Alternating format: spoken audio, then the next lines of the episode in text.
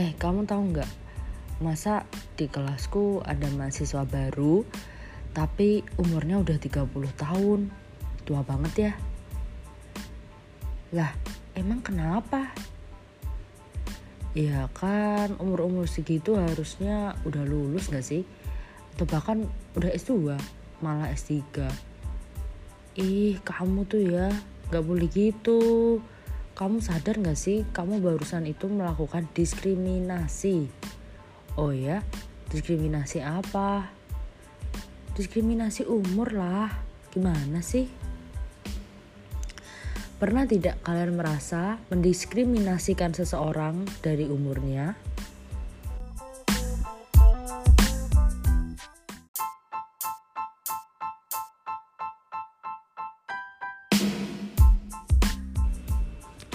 Halo semuanya, kembali lagi di Lavanya Podcast bersama aku Lauren. Lavanya Podcast, Love, Respect, Believe. Nah, di episode ke-99 kali ini kita akan membahas tentang diskriminasi umur. Ya, atau bisa disebut juga dengan ageisme kalau dalam bahasa Indonesia ya atau bahasa Inggrisnya ageism ya. Um, oke okay, biar kita lebih gampang kita nyebutnya ageisme aja ya. Jadi dari namanya sudah kelihatan ya ageisme. Um, kata dasarnya itu age atau umur gitu. Jadi ya um, ageisme adalah nama lain dari um, diskriminasi umur gitu. Nah um, ageisme ini pertama kali didefinisikan oleh seorang uh, tokoh bernama Robert Butler. Ya karena dia tuh memang uh, bergerak di bidang penelitian tentang uh, penuaan gitu aging gitu ya. Tapi lebih ke bukan secara medis ya tapi ke secara sosial gitu. Jadi menurut dia ageisme itu adalah um, sebuah prasangka prasangka ya yang ditujukan uh, kepada suatu kelompok umur tertentu dari kelompok umur yang lain gitu. Jadi ya misalnya kelompok umur A dia punya uh, prasangka prasangka tertentu terhadap kelompok umur yang lain gitu loh dan menurut Butler itu um, ageisme ini terjadi karena adanya diskriminasi dari para uh, kelompok umur menengah atau middle age groups kepada mereka yang berusia lebih muda atau lebih tua gitu. Nah ini terjadi tuh karena um, middle age grup tadi itu merasa kayak mereka tuh satu-satunya golongan umur yang bisa diandalkan gitu loh ya kan? Karena mereka misalnya udah usia produktif untuk bekerja dan lain sebagainya udah mateng lah ya. Sedangkan kalau mereka yang di umur uh, lebih muda kan mereka masih bergantung gitu sama yang middle age group ini. Dan tentu saja begitu juga dengan yang uh, umurnya lebih tua gitu jadi um, seperti judulnya ya diskriminasi umur. Di sini yang diskriminasi adalah uh, umur atau usia seseorang. Jadi kayak fokus dari um, semuanya itu adalah usia gitu atau umur seseorang. Nah kita tahu sendiri diskriminasi itu apa? Itu adalah perilaku membeda-bedakan ya dan tentu saja konotasinya tuh negatif gitu bukan positif. Ya kan?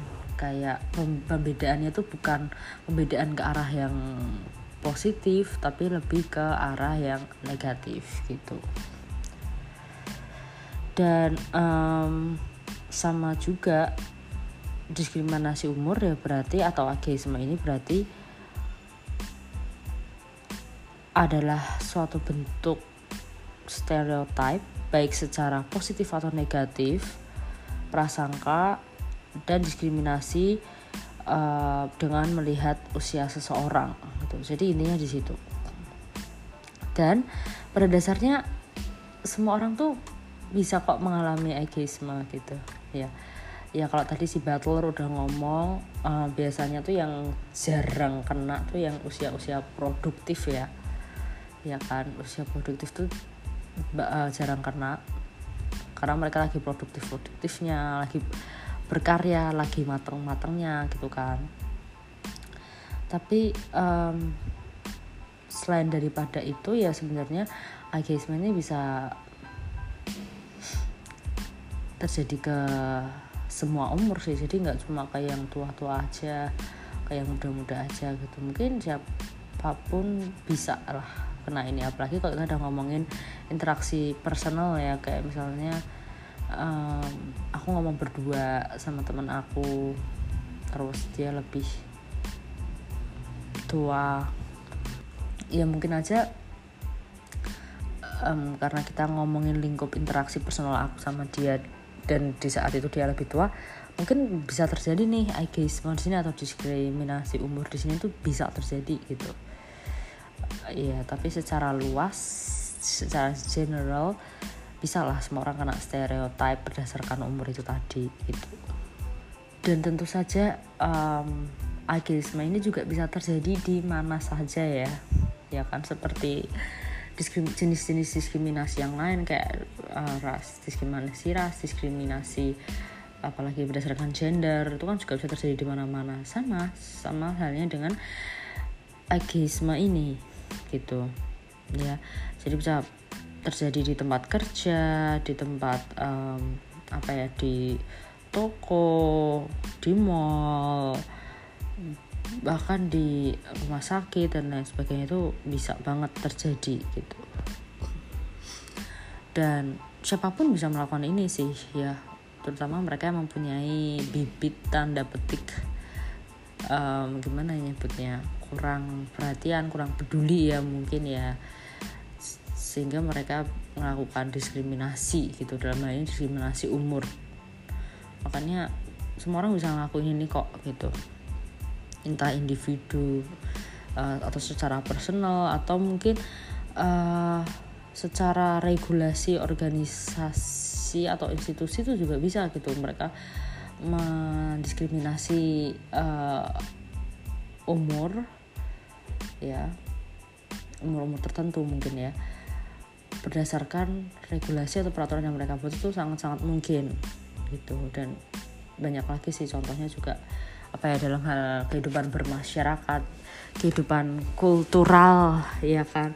Uh, apalagi buat um, kita yang masih hidup di lingkungan masyarakat yang kayak guyup banget itu yang kayak gotong royongnya masih tinggi ya kan terus nilai-nilai budaya masih kental apa sih di situ tetap ada lah diskriminasi umur itu gitu. Ya kan yang nanti contohnya juga bakal aku sebutin gitu. Dan pada intinya ageisme ini lebih cenderung kita pemaknaannya negatif gitu ya pak. Apalagi kalau kita dengar kata diskriminasi kan udah jelas banget ya negatif gitu. Jarang gitu yang uh, baik-baiknya ya kan nah dari ageisme ini sendiri biasanya bisa menyebabkan suatu fobia nih gitu. Wah fobia apa ya? Namanya adalah gerontofobia. Ya jadi itu sebenarnya hmm, adalah sebuah bentuk ekstrim dari ageisme di mana seseorang yang mempunyai gerontofobia itu biasanya mereka memiliki ketakutan ya uh, untuk menjadi tua gitu atau ya bisa dibilang kayak um, ketakutannya itu nggak cuma secara pribadi buat diri dia sendiri tapi juga misalnya dia takut orang sekitarnya menjadi tua atau gimana gitu ya. Pokoknya dia takut lah dengan sesuatu yang berbau dengan um, apa ya bertambahnya umur gitu. Karena dia ngerasa semakin bertambahnya umur tuh um, mereka semakin diingatkan bahwa oh aku ini hidup gak abadi gitu. Aku hidup cuma sementara. Aku semakin tua aku bakal semakin apa ya lemah gitu ya. Lemah selain dalam hal fisik ya mungkin dalam hal um, apa ya kepintaran dan lain sebagainya. Jadi mereka ketakutan gitu yang sebenarnya ada kemiripannya sih sama salah satu um, teori atau pemikiran yang bernama terror management tapi ini bukan fobia ya. Jadi ini kurang lebih mirip yaitu di mana seseorang um, takut juga gitu sama uh, bertambahnya umur tapi bukan ke diri sendiri tapi lebih kayak ke mereka ini menghindari orang-orang yang lebih tua gitu sekitar mereka. Atau nggak mau bergaul sama mereka yang lebih lebih tua gitu ya. Ya mungkin meskipun mereka juga udah dianggap usia dewasa mungkin mereka tetap nggak mau ya bergaul dengan yang lebih tua daripada mereka atau gimana. Aku juga uh, kurang jelas sih. Cuma pada intinya mereka menghindari eh, orang-orang yang lebih tua gitu ya, jadi secara psikologis mereka me, apa ya memberi jarak lah terhadap mereka yang dirasa lebih tua gitu. Karena mereka ngerasa kalau dekat sama yang tua-tua ini kayak harus jadi kepikiran gitu nggak enak jadi kepikiran nanti di masa depan gimana ya kan? Jadi kepikiran wah pokoknya uh, takut gitu. Mereka bukannya kayak um, tambah optimis. Misalnya kalau lihat orang yang lebih dewasa atau lebih tua dari sekitar mereka dengar segala cerita-cerita mereka di masa lalu tapi mereka malah kayak pesimis gitu. Mereka bukan optimis lagi gitu. Ya jadi dua itu. Oke okay, terus um, lanjut di sini menurut salah satu tokoh ada tiga komponen dari ageisme ya. Yang pertama adalah stereotype jadi stereotype ini merupakan komponen kognitif ya. Di mana um, apa terdapat stereotip atau pandangan-pandangan tertentu yang ditujukan kepada mereka yang umurnya berbeda gitu. Tapi ini lebih ke ditujukan kepada lansia ya gitu atau mereka yang lebih tua contohnya stereotip uh, seperti oh lansia itu beban masalah bagi masyarakat dan sebagainya. Lalu yang kedua itu ada prasangka ya. Dan ini merupakan komponen emosional. Jadi um, apa ya di sini orang-orang tuh beranggapan orang-orang yang secara nggak langsung mendiskriminasi um, umur ya. Ini beranggapan mereka tuh uh, ketika berinteraksi dengan orang-orang yang lebih berumur gitu mereka tuh senantiasa ingin melibatkan perasaan mereka gitu. Jadi kayak misalnya aku pingin aku pelaku diskriminasi ya gitu ya secara nggak langsung dan mungkin aku nggak sadar.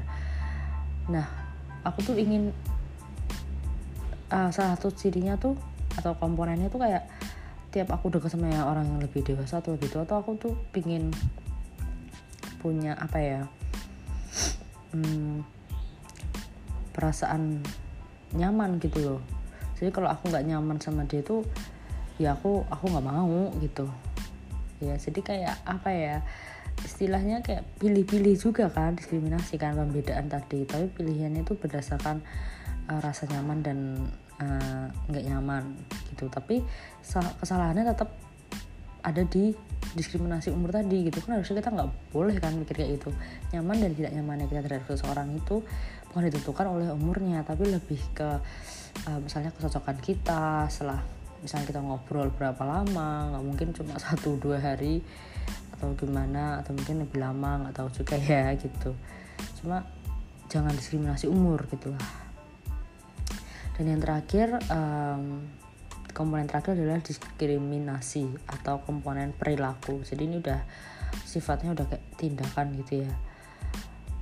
Um, jadi udah ada tindakan nyata di sini seperti menghindari atau mengucilkan keberadaan mereka gitu atau uh, berdasarkan umur lah ya di sini tuh. Gitu. Dan dari diskriminasi ini tadi um, dapat muncul tiga macam diskriminasi lain ya yang dapat diidentifikasi ya. Yang pertama adalah first discrimination atau diskriminasi terbalik. Jadi ini sebenarnya adalah praktik diskriminasi yang hmm, dibilang cukup menguntungkan ya bagi beberapa kelompok yang sebenarnya mereka tuh udah uh, sebelumnya jadi sasaran diskriminasi. Tapi um, apa ya karena adanya stereotip tertentu mereka akhirnya malah dapat uh, keuntungan gitu. Ya biasanya ini terjadi di pangsa apa ya bisa dibilang kayak di pasar bisnis sih. Kayak misalnya oh diskon khusus lansia gitu untuk beli produk-produk yang biasanya dipakai lansia atau oh diskon untuk um, bayi. Anak sekolah gitu. Tapi kita di sini diskriminasinya biasanya sih lebih ke orang yang lebih tua ya contohnya lansia gitu. Terus yang kedua ada diskriminasi uh, yang tidak disengaja atau unintentional discrimination. Jadi ini merupakan diskrimini diskriminasi usia yang secara uh, tidak sadar gitu. Jadi kayak apa ya kita nggak sadar melakukan diskriminasi ini gitu. Melakukan diskriminasi usia ini gitu. Ya seperti kayak misalnya gaya berbicara kita sama lansia ya kan? Um, terus apalagi ya perlakuan kita juga mungkin terhadap mereka yang lebih tua atau yang lebih muda gitu. Jadi banyak sih di sini. Nanti contohnya akan um, aku jabari juga di bawah ya. Jadi apa ya kalau ini kita nggak sadar sekarang udah kebiasaan gitu loh ya kan. Misalnya sama orang yang lebih tua kita ada sisi positifnya sih kalau dibilang. Kita lebih hormat misalnya sama yang lebih tua sama yang masih muda-muda kita kadang ngomongnya nggak pakai perasaan gitu ya kan. Terus yang ketiga adalah institutional age discrimination atau diskriminasi usia dalam institusi. Jadi ini mengarah kepada institusi-institusi atau lembaga-lembaga atau kelompok sosial yang ada di masyarakat gitu ya uh, contohnya apa? Aku ya aku sih sekalian uh, kasih tips-tips uh, apa ya? Kasih bocoran lah bukan tip kasih bocoran uh, contohnya ya. Jadi adanya pembatasan usia dalam uh, suatu institusi kelompok usia eh, maksud saya kelompok sosial tertentu di masyarakat gitu. Jadi kayak misalnya oh maksimal umur segini segini segini gitu. Ya kan? Atau ya banyak lah ya kita temuin itu. Um, sampai adanya kayak stereotip stereotip tertentu gitu. Ah, kayak aku pernah baca sih kayak um, kayak jokes gitu. Yang mereka tuh kayak menganggap bahwa apa ya orang-orang yang sudah pensiun itu atau orang yang udah ya lebih tua dan pensiun ya tentunya tapi yang garis bawah sih lebih tuanya itu mereka tuh cenderung apa ya dinilai kayak ah kerjanya cuma hari di rumah gitu. Jadi kayak banyak ketakutan orang-orang terutama anak-anak dari orang tua yang belum pensiun pensiun. Terus mereka kayak ngeliat itu kayak ah nanti kalau uh, papa mama udah pensiun nanti gimana ya nasibku? Gitu loh. Ya balik lagi meskipun urusan itu kebalik ke keluarga masing-masing tapi kan itu kan secara langsung jadi stereotip gitu ya. Oh nanti kalau pensiun gini gini gini gini gitu. Nah lalu kita kembali lagi ke alasan kenapa sih ageisme atau diskriminasi, diskriminasi umur itu terjadi ya. Jadi yang pertama sebenarnya tuh karena kita tuh punya apa ya asumsi lah. Asumsi entah implisit atau eksplisit terhadap uh, mereka yang lebih tua atau lebih muda daripada kita gitu loh. Ya. Dan karena ada asumsi ini jadi kita juga punya ekspektasi dan kepercayaan yang terbentuk terhadap penuaan gitu loh ya kan? Atau mungkin terhadap usia itu sendiri. Kayak misalnya kita berasumsi ya kalau yang lebih tua pasti lebih matang lah pemikirannya. Kalau bocah enggak. Jadi ya ngapain kita minta saran dari bocah gitu? Kan banyak kan contohnya gitu. Terus yang kedua biasanya ya ada stigma-stigma tertentu yang melekat di otak kita ya. Kurang lebih sama sih ya. Kayak uh, asumsi atau kepercayaan tertentu. Tapi ini kayak stigma. Jadi kayak udah di masyarakat tuh udah luas banget gitu loh stigma itu tuh gitu. Dan yang terakhir adalah hmm, mungkin ini dari diri seseorang itu sendiri ya. Jadi adanya perubahan kemampuan seseorang. Karena usia ya.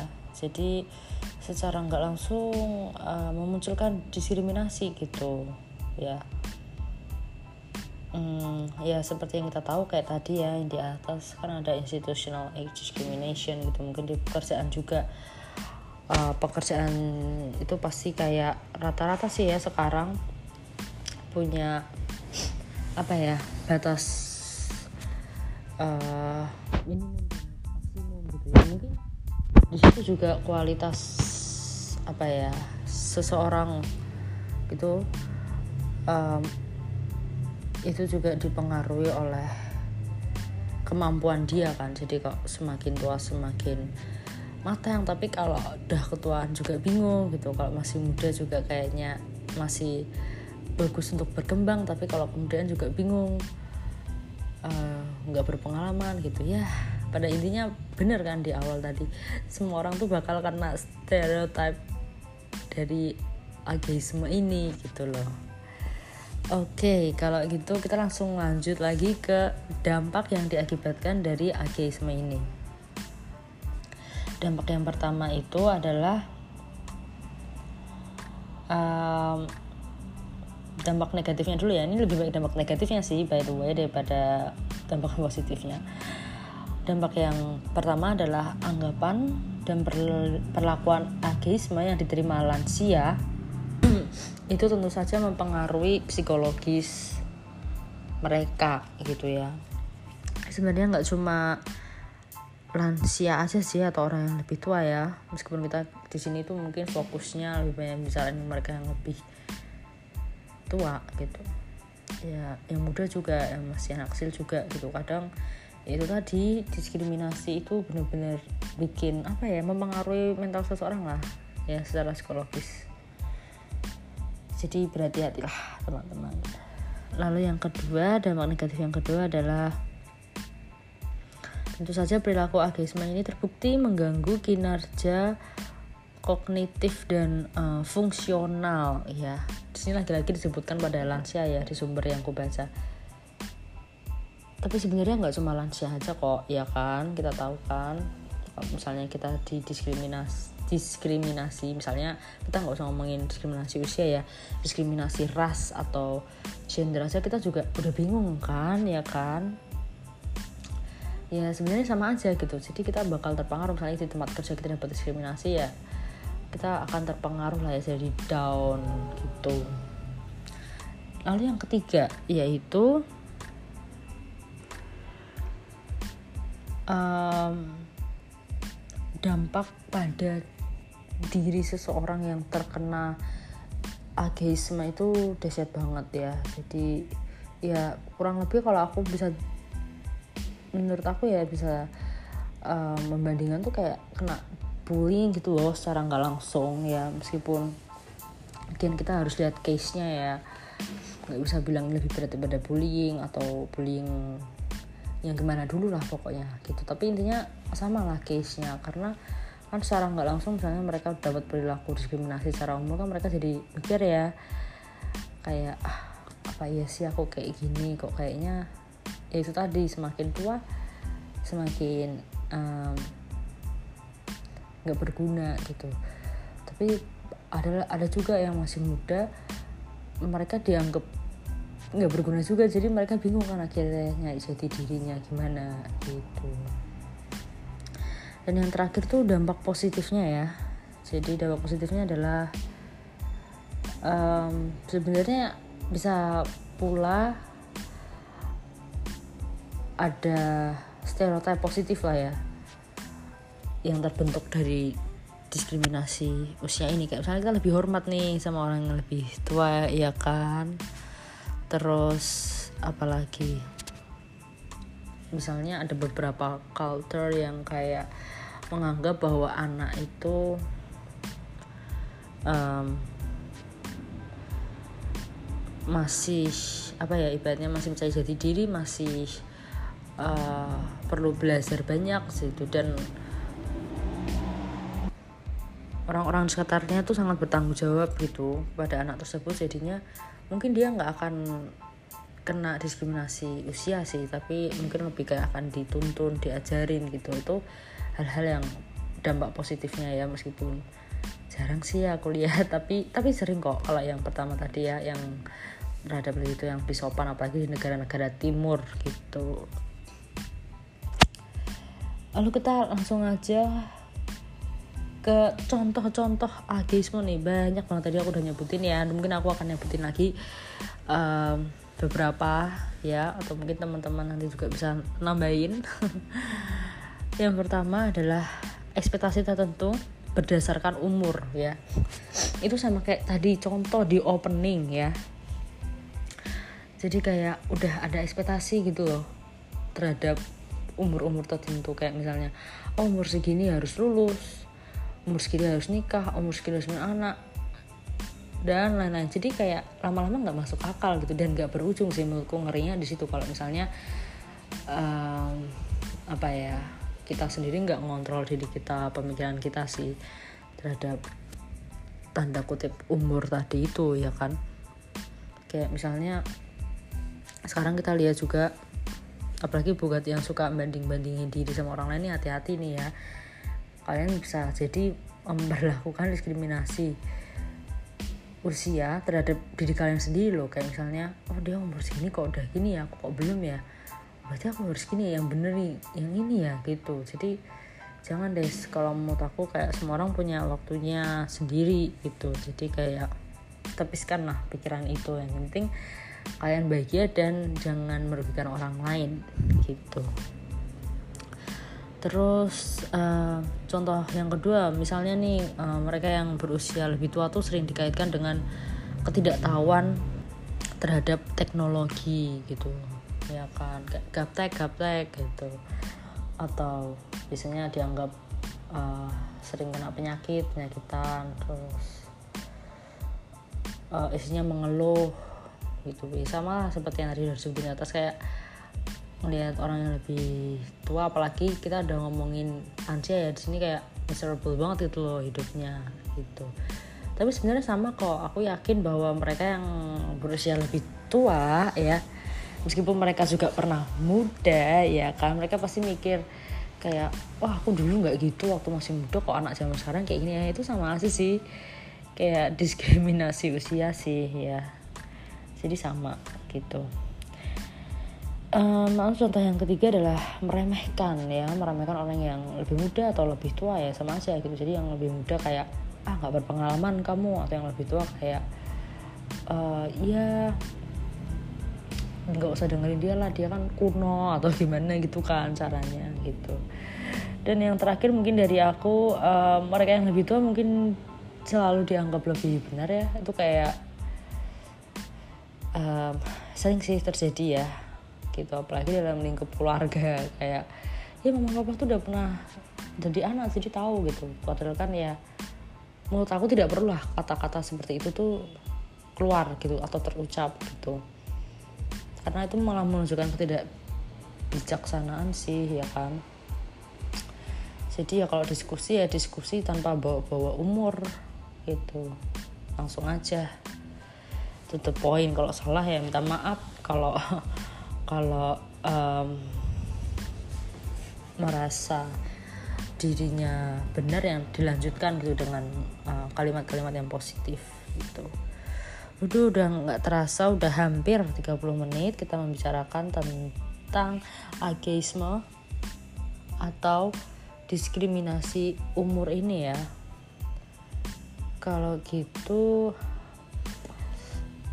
buat kalian semua terus dengerin ya di lavanya podcast. Di segmen berikutnya karena akan ada kesimpulan dari aku. Terus dengerin di lavanya podcast ya. Lavanya Podcast, Love, Respect, Believe.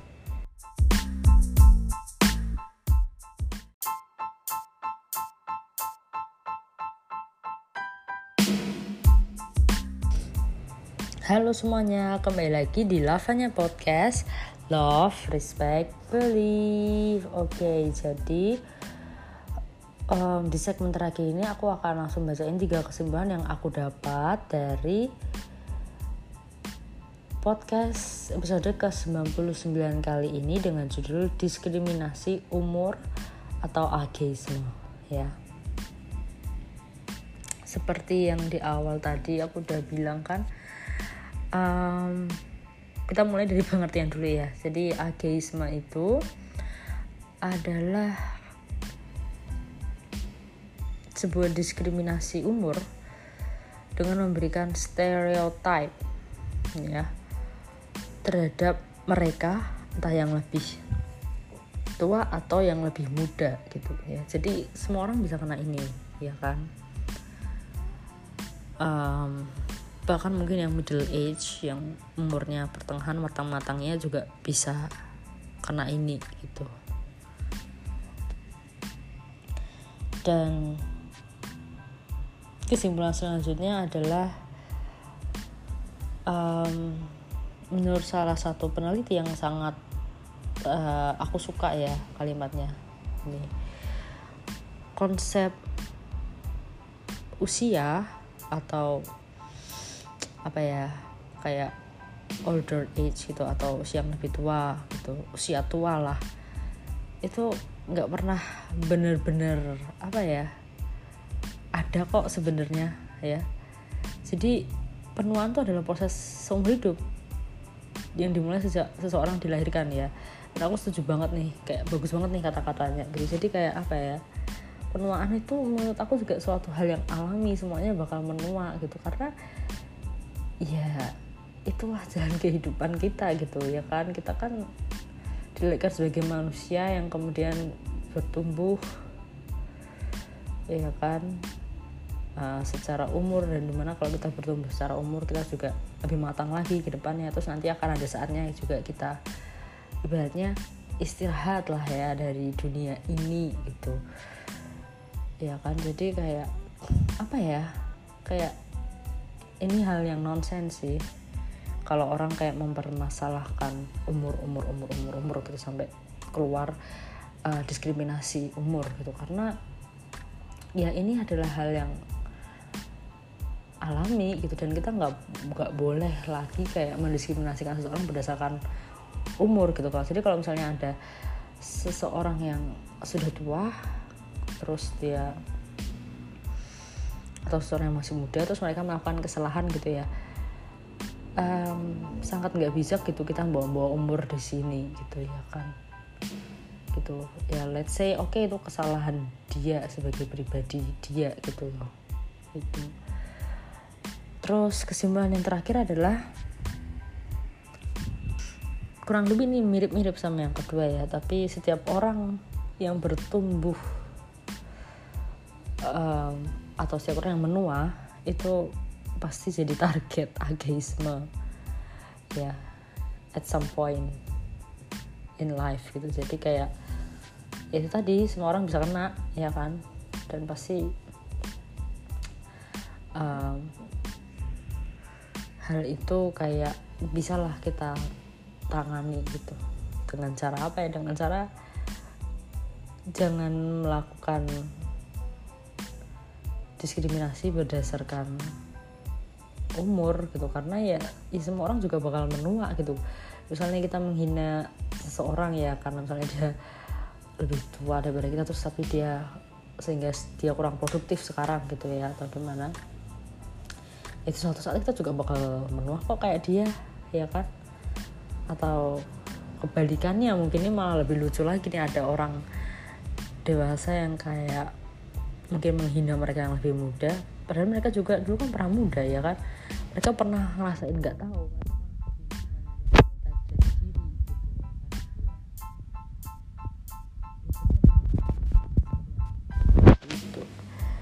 Oke, jadi kurang lebih itu ya kesimpulan yang kita dapat dari episode ke-99 tentang diskriminasi umur ya.